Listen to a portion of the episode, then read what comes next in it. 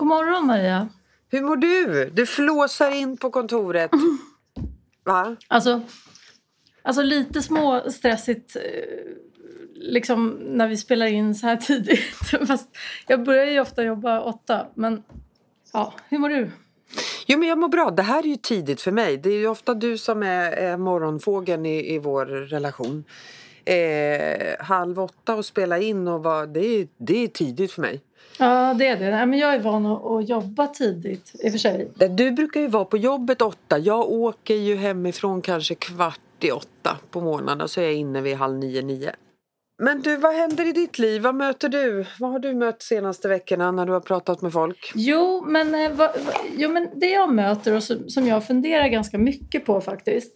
Eh, det är det här med att jag tycker att det är så att mycket kvinnor eh, ofta har ju det som blir liksom problem när de börjar sätta sig själva lite mer i första rummet och kanske kan handla om ja, men, Alltså det här med att, att stå upp lite mer för sig själv, både liksom i jobbet men också sådär att med egen tid och behov man har när man jobbar mycket och sådär. Alltså mm. då, då blir det... Det här egentligen om man ska bara kort sagt säga så är det ju ofta så att kvinnor har blivit mer sjukskrivna av utmattning relaterat till att driva mycket hemarbete samtidigt som man jobbar lika mycket som mannen och så. Eh, och där har vi väl kommit en, en lång bit i medvetenhet men det, men det ser ganska mycket ut så fortsatt, for, alltså nu. Mm. Och, eh, och jag tänker att det handlar mycket om att kvinnor är rätt drivna av skuld. Alltså man, man ser sig, sig själv som att man har en plikt på något sätt. Att, eh, och får, får problem också med att sätta sig själv först för det väcker skuldkänslor och skamkänslor i att mm. man inte gör rätt då. Eller är tillräcklig kanske? Ja, men alltså i grunden handlar det ju om otillräcklighet. Mm. Men, men, men jag menar just också när man tar sig tiden för sig själv mm så är inte det okomplicerat för många kvinnor utan då är det förenat med mycket tankar kring vad man inte har gjort och vad man... att att det, det blir inte så... Ja, det är, okom, det är inte okomplicerat. Och där menar jag så att det där handlar ju väldigt mycket också om utanför kvinnan, alltså strukturer i samhället och att, att det handlar ju väldigt mycket om att män också behöver göra förändring.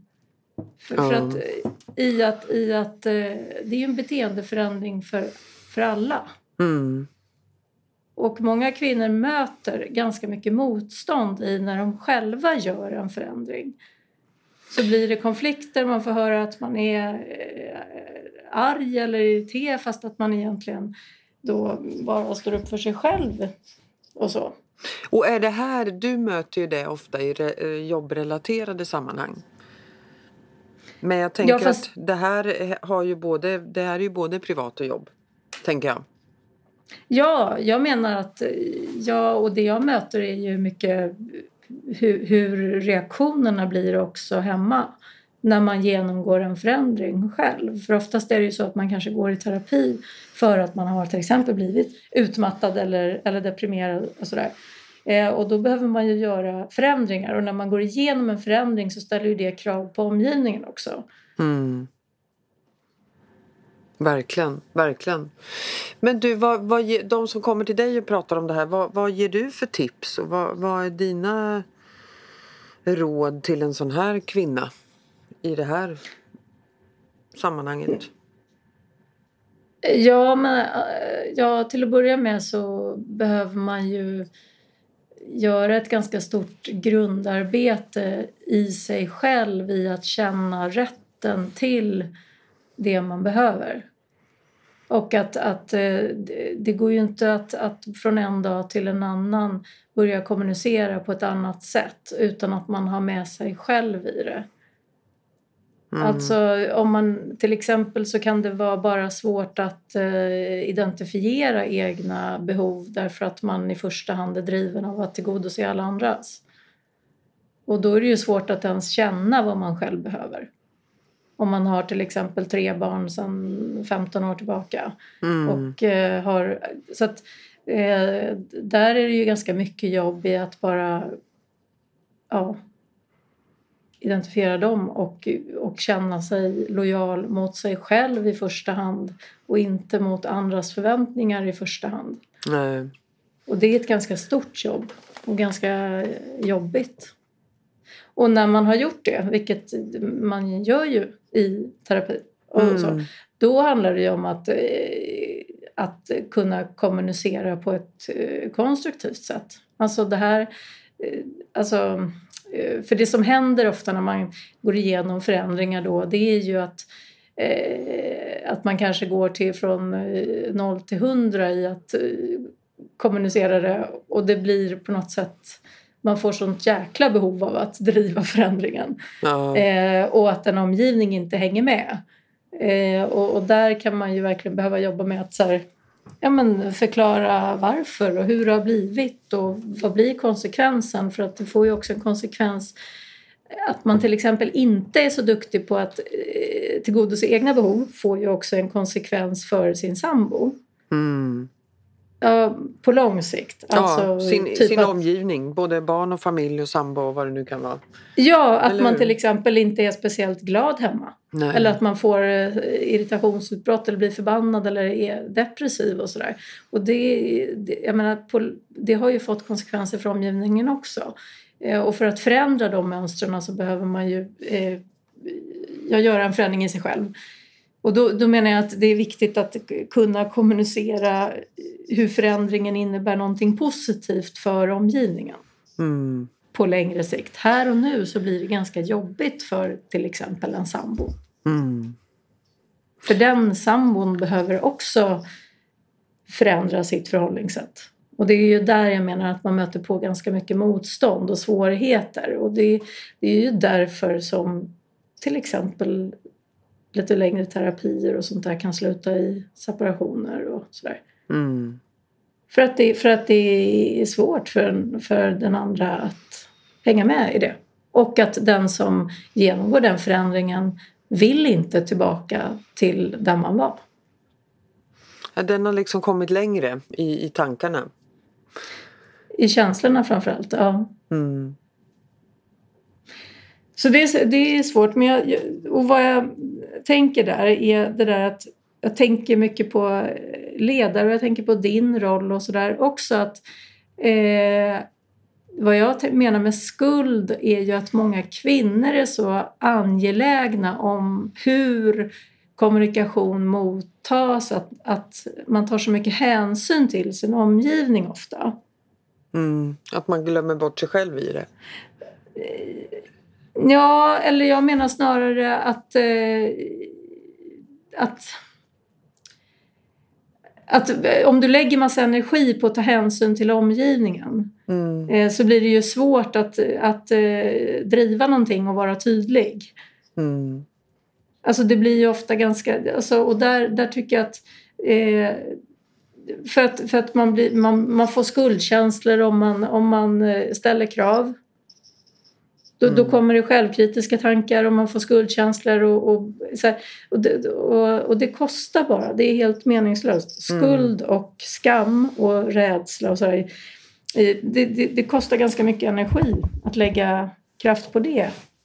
Men där, där känner jag igen mig jätteväl eh, faktiskt. I, I just det här att man, man är så mån om omgivningen och att den ska vara så nöjd så att du glömmer bort dig själv och du eh, Ja, du hamnar i en liksom ond spiral. Jag får ju också ofta det som tips när jag pratar med olika coacher. Allt från eh, att prata med dig till andra coacher. Att det går inte att ta den hänsynen, eller hur man nu ska säga, till omgivningen hela tiden. Ibland behöver man kanske fatta lite mer obekväma beslut och ibland kanske inte alla är nöjda. Det där känner jag igen mig jättemycket i. Ja, men och det är precis det jag menar. Och om du då eh, får problem att, själv att hantera att alla inte är nöjda. Där har du ju den här skulden. Mm. Att, eh, ja, det, det, det, det ger inte dig någonting. Nej. Förstår du vad jag menar? Och, Mm. det, och, det, och, och det är samma sak i en eh, nära relation då om man går igenom de förändringarna och eh, faktiskt eh, behöver någonting och kräver någonting och sen möter man på motstånd och sådär. Då, och sen att bli överdrivet självkritisk i det. Men jag kanske behöver, jag kanske eh, blir onödigt krävande och det här, alltså så här, det, är ju, det är ju bara belastning. Mm. Istället för att det är så här, ja men det får ju bli den andra personens problem. Och om man tar dig som ledare, det får ju bli medarbetarnas problem. Nej men verkligen. Och det, nej men det där är svårt, men, men det är också ett jobb att göra med sig själv. Mm. Det är det jag Ja menar. det är väl där att, det nästan måste börja tänker jag. att klara av att, att eh, släppa dem. Mm. Alltså de skuldkänslorna. Klara av Mm. att släppa de så här, inre rösterna som blir så här... Eh, ja, men nu tycker de att jag är skitjobbig och nu tycker de att jag eh, inte alls är så himla härlig chef som jag alltid har varit. Nej. Nej, det tycker de. Och jag står ut med det. Och det är faktiskt fine. Ja men exakt. Och det där tycker jag det blir ju också lite mer påtagligt i ett arbetsklimat där man har otroligt mycket att göra. Så blir ju Ja. det där ännu mer påtagligt. Vill du berätta? Ja, nej men det där, vi- alltså, jag kan ju bara titta på min egen organisation där vi, där vi har eh, eh, genom tiderna, genom Insight kompetenshistoria, fem och ett halvt år så har vi aldrig haft så mycket att göra. Eh, och Eh, sätta de där gränserna tycker jag är ganska svårt. Eh, vad är mycket, vad är lite, när ska man säga nej? Eh, och jag tror att många känner igen, mig, känner igen sig i att man har ju också olika kapacitet i olika medarbetare. Det som är mycket för någon är inte mycket för en annan och så vidare och så vidare. Så att de här grejerna att parera eh, samtidigt som det rasar in grejer och eh, som man inte vill tacka nej till. Det, det, ja, det gäller att stå med bägge fötterna, så eh, känner jag i alla fall. Att det är liksom utmaningen att fördela, se till att alla mår bra, ha en hållbar arbetsplats samtidigt som vi har ett jobb att göra. Vi, eh, ja, vad blir konsekvensen när man säger nej?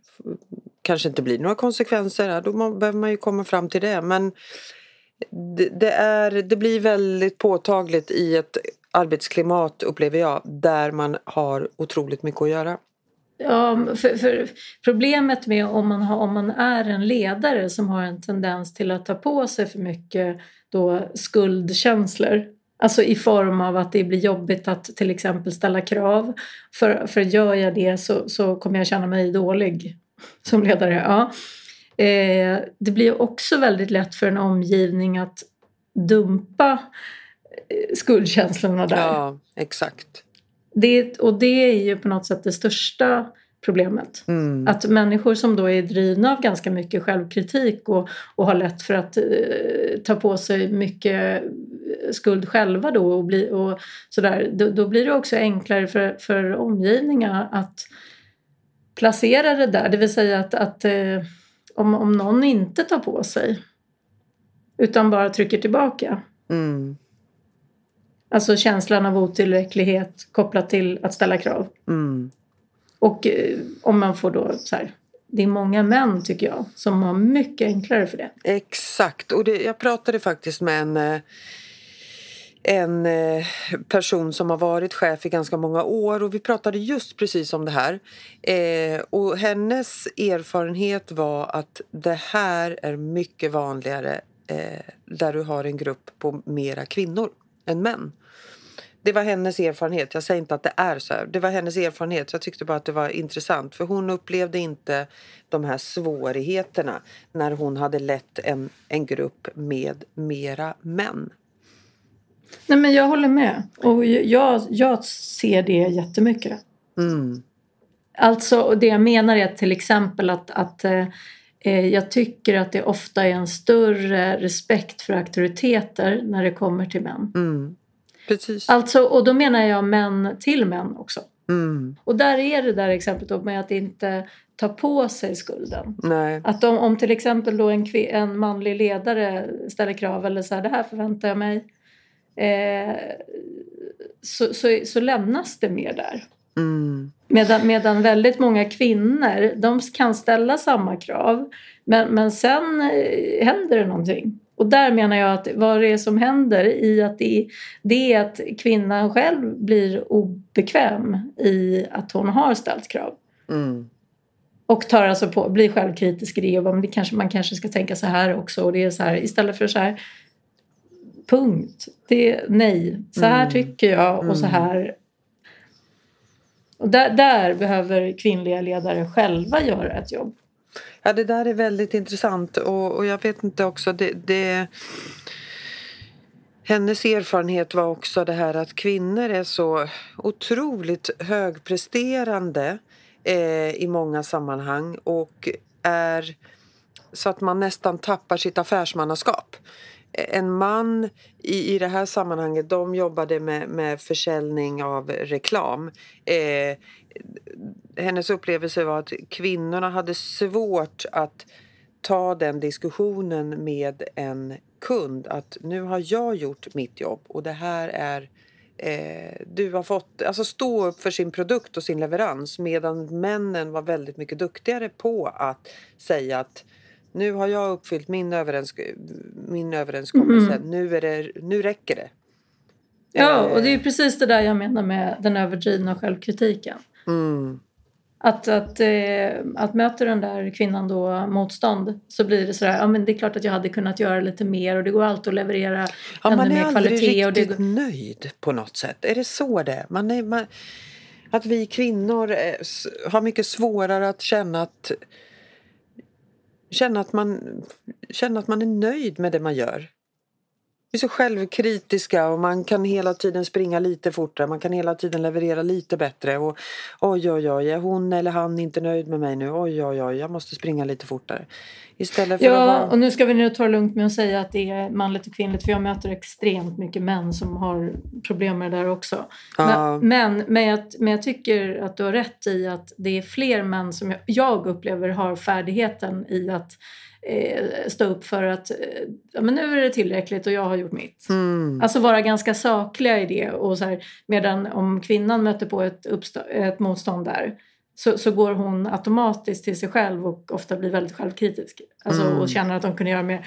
Men på bekostnad av eh, eh, affärs... Eh, ja, det, det var, var, jag tänkte affärsmannaskap men jag vet inte vad jag skulle hitta för. Men alltså att det är klart att det kostar någonstans. För att det finns ju en gräns för Eh, men det är ju jätteviktigt att kunna ställa krav. Mm. Och Verkligen. känna tillräcklighet i att man har gjort tillräckligt. Mm. Därför att det blir ju inte speciellt kostnadseffektivt heller att, att jobba ihjäl sig. Nej, det blir ju inte alls effektivt. Men det var då också vi, vi kom fram till, eh, hon och jag som jag hade det här samtalet med, att det är då man behöver ha en ledare som backar en i detta. Mm. Det är ju superviktigt att du känner att du har, har din chef i ryggen. Det är okej att säga nej eller det är okej att säga att stopp, nu, nu har vi gjort vårt från det, vårt håll. Nu är det dags för dig att göra från ditt håll. Ja men verkligen. Eller ja, hur? ja absolut. Och, var, och varför jag tar upp det här också det, tycker, det är för att jag känner att eh, det, det blir också eh, när, när kvinnor gör den förändringen i att inte vara så självkritiska och ta på sig för mycket skuld och sådär eh, så blir det också en känsla hos många kvinnor att då har man krav på sig att, att vara så himla duktig på det. Eh, men att man behöver ju också belysa att det är ett, ett strukturellt problem och ett problem i samhället. Så det är också män som behöver fatta att det krävs en förändring. Mm. För man kan inte bara hålla på och kämpa mot väderkvarnar själv. Helt sant. Och där har vi en eh, bit kvar att jobba på. Ja. Mm. ja, verkligen alltså.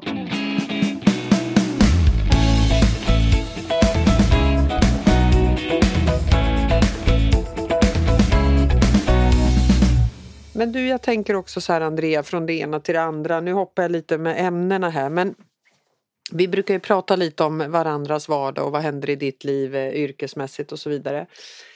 Och då har jag liksom en liten take på det här med eh, vad covid och hemmaarbete har gjort med oss. Eh, eh, många fördelar men det är ett stort problem att folk inte vill tillbaka till sina arbetsplatser.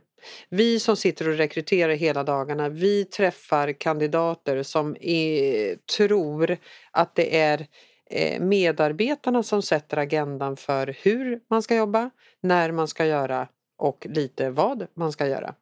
Det är kandidaternas marknad och ett hemarbete på det gör det lite problematiskt. Jag tror att vi kan ha till och med liksom ett samhällsproblem om vi fortsätter i denna takt. Men i denna takt, för jag blir lite frågandes i att det måste ju också finnas en arbetsgivare som ger det utrymmet för att arbetstagare ska kunna ta utrymmet.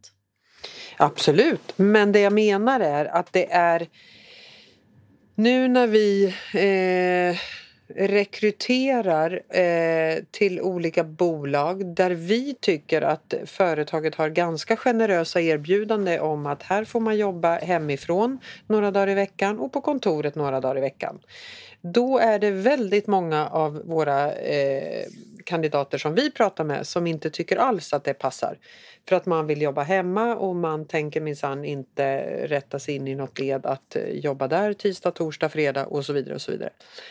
Det som in, var en icke-fråga för två år sedan har blivit första frågan i många av våra möten med kandidater. Mm. Men blir konsekvensen att arbetsgivaren då tappar de mest kompetenta och de som de egentligen vill ha? Ja, det vet vi ju inte för vi kommer ju inte oftast så långt med dem. För att det blir en krock redan med, om man inte är beredd att åka till det här kontoret två dagar i veckan då blir ju inte den, det blir inte rätt kandidat. Så att vi fortsätter ju inte dialogen. Förstår du vad jag menar? Nej, precis. Men vad blir samhällsproblemet? Att det kommer, ja jag tror att det kan bli det. Ja, det kan bli ett problem i att man eh, får personer som inte... Eh, hö, ja, jag vet inte. Högre arbetslöshet. Kanske, jag vet inte. Folk är inte beredda att åka till ett kontor och då har vi ett problem. Om man inte förstår att man eh, på något sätt även efter covid kommer behöva ta sig någonstans i nästan alla jobb. För det är väldigt få företag, tror jag, där man säger att ja, men jobba fem dagar i veckan hemma, det är inga problem. Det är väldigt få yrkeskategorier där, där hemarbete till 100% fungerar. Ja, nej men det, det, tror jag också. Men jag tänker att det blir ju en marknads... Alltså så här, någonstans så justerar sig ju alltid efter om det funkar eller inte. Alltså funkar att få jobb med de kraven? Funkar det att få jobb med de kraven och de jobb man vill ha så blir det ju inget problem. Nej, men, men nu tror jag att det... det funkar för att det är kandidaternas marknad men det kommer det inte alltid vara. Just nu eh, upplever jag att det funkar. Nu kan ju arbetstagaren ställa de kraven för att det är deras marknad. Men det är inte säkert att det kommer vara det. Och då, då behöver vi ju ställa om lite. Ja, men då är jag tillbaka ändå till att, att eh, det, det, är också ett problem att inte arbetsgivaren eh, kan stå upp då för kraven eller ställa dem, att man, att man godtar på något sätt medarbetarens krav då i det där. För det, jag hör också arbetsplatser som har problem med, jag jobbar med några organisationer varav eh, en där det är så här att det blir problem i ledningsgruppen av att eh, man har olika uppfattningar om de här kraven. Alltså att man vill till exempel ställa krav på att man ska vara på arbetsplatsen tre dagar i veckan och eh, sen tycker liksom halva ledningsgruppen att fast varför ska vi ställa de kraven? Det funkar jättebra i min leverans. Mm, Så jag vill inte ställa de kraven. Men att någon tycker att ja fast jag har märkt att mötena blir mindre effektiva.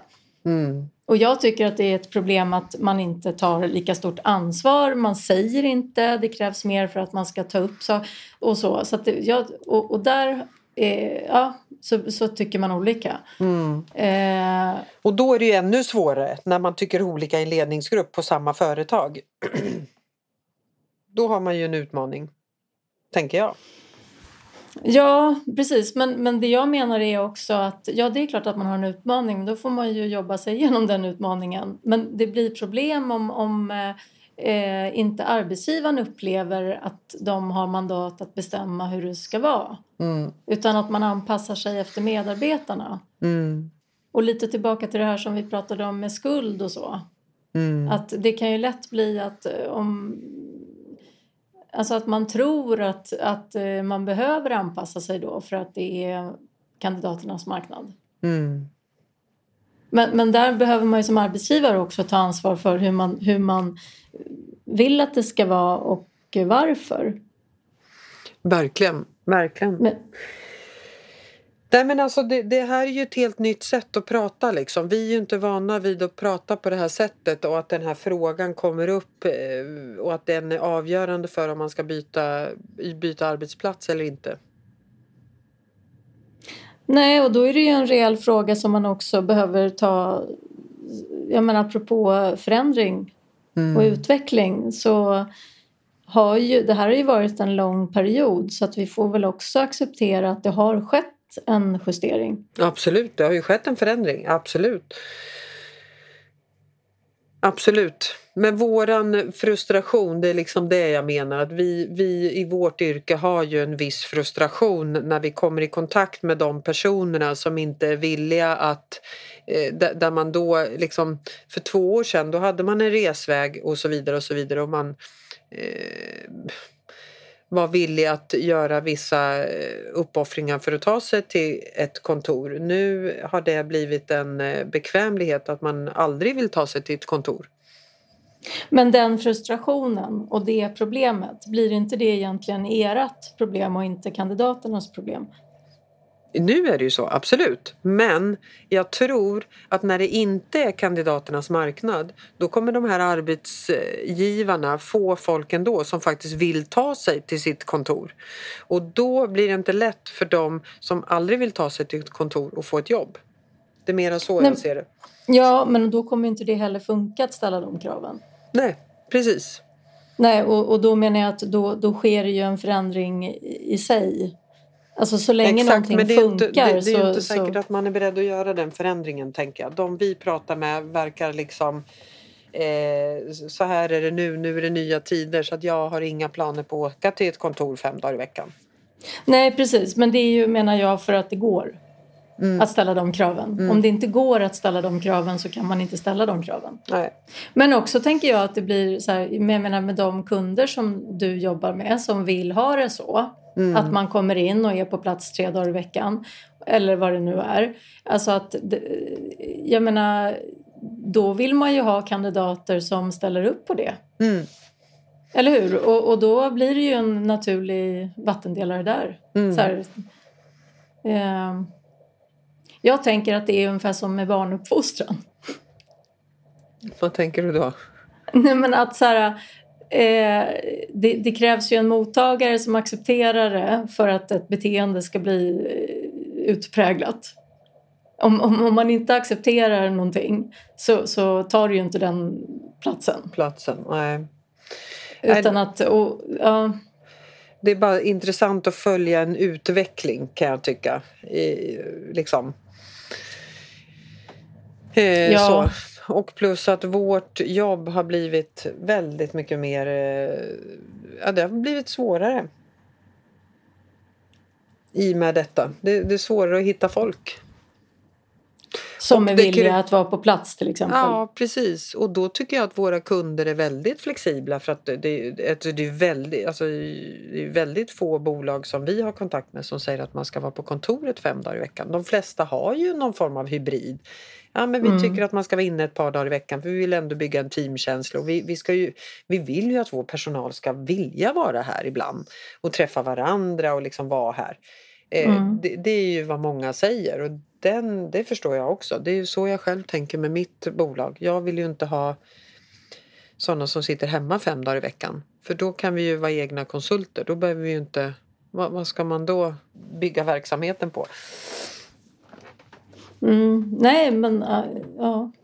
Men, men det man också, för jag hörde det här från, från en, eh, en HR-chef på ett stort eh, mediehus som upplevde att det var väldigt problematiskt att få tillbaka de här personerna om man jämför med och man, eh, liksom, sägningen hos de här medarbetarna är ja men Spotify där kan man jobba från vilket land man vill och så vidare. Så här.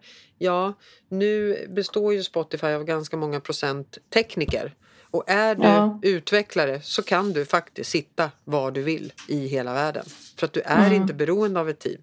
Men vi på det här mediehuset eller på det här företaget, vi är ju inte utvecklare. Vi jobbar med människor, vi jobbar med kundrelationer och vi jobbar i team och mäts som ett team. Eh, så att vi kan inte göra som Spotify och sitta vart vi vill i hela världen. Det måste man ju också förstå i det här. Ja, men, och där kommer man in på en annan fråga som jag tycker att jag pratar med organisationer om. Att det här att, apropå då att förklara alltså hur man vill ha det och varför. Alltså mm. Det handlar ju också lite om det här med anpassning till affären och olika kompetenser. Alltså, för det fyller ju inte sin funktion att eh, kanske då utvecklare eller till exempel marknad. Det är också en sån här enhet som inte heller behöver sitta på plats. Nej. Enligt, alltså så, och då, och, och, men att då ha så här generella riktlinjer som är så här, det ska gälla alla att vi är på kontoret tre dagar i veckan utan att det egentligen fyller sin funktion. Mm. Det, det, blir ju det blir inte trovärdigt. Nej. För då blir det mycket lättare för de som jobbar med marknad att söka sig till där där mm. man kan få som man vill ha det istället. Alltså så, så jag tror att det är viktigt att också som företag eh, anpassa efter det. Och jag upplever att många, det ligger på många chefers läppar just det här att det är en fråga som kommer upp ganska högt liksom på i ledningsgruppens agenda. Vad ska vi ha för policy och vad ska vi ställa för krav och vad kan vi begära och vad vill vi och varför och så vidare och så vidare. Att det blir det är det jag menar. Det här som var en icke-fråga för två år sedan har blivit en högst angenäm fråga för, för eh, chefer och företag. Mm, ja, ja, och den där frågan eh, varför blir ju väldigt viktig att gå in i. Mm. Och inte undvika då. Nej. Nej. Alltså så här, varför är det viktigt? Mm. Alltså det är, det är, inte bara en generell policy. Utan... Nej, precis. Mm. Nej, man måste ju ha svar, svaret liksom. Ja, vi ska väl avsluta för idag. Ja, vi ska avsluta för idag och, och ticka vidare. Eller hur? Va? ja, ja. ja, men så är det ju. Du, och det kan ju hända, nu ska vi inte lova för mycket utan vi, vi säger en, eh, vi lovar nästan att nästa avsnitt så kommer det ju att vara en gäst med i eh, podden. Ja, precis. Just det. Mm. Men det berättar vi lite närmare om och det kan man också läsa i våra sociala kanaler, eller hur? Precis. Så att vi, vi kör en liten eh, dealbreaker där, att vi, eh, liten eh, cliffhanger. Det, det, tycker vi är spännande för det var länge sedan. Det var faktiskt väldigt länge sedan. Apropå Nej. mycket att göra. Eller hur. Kram på dig och tack alla lyssnare för att ni har lyssnat. Tack. Hej. Hej.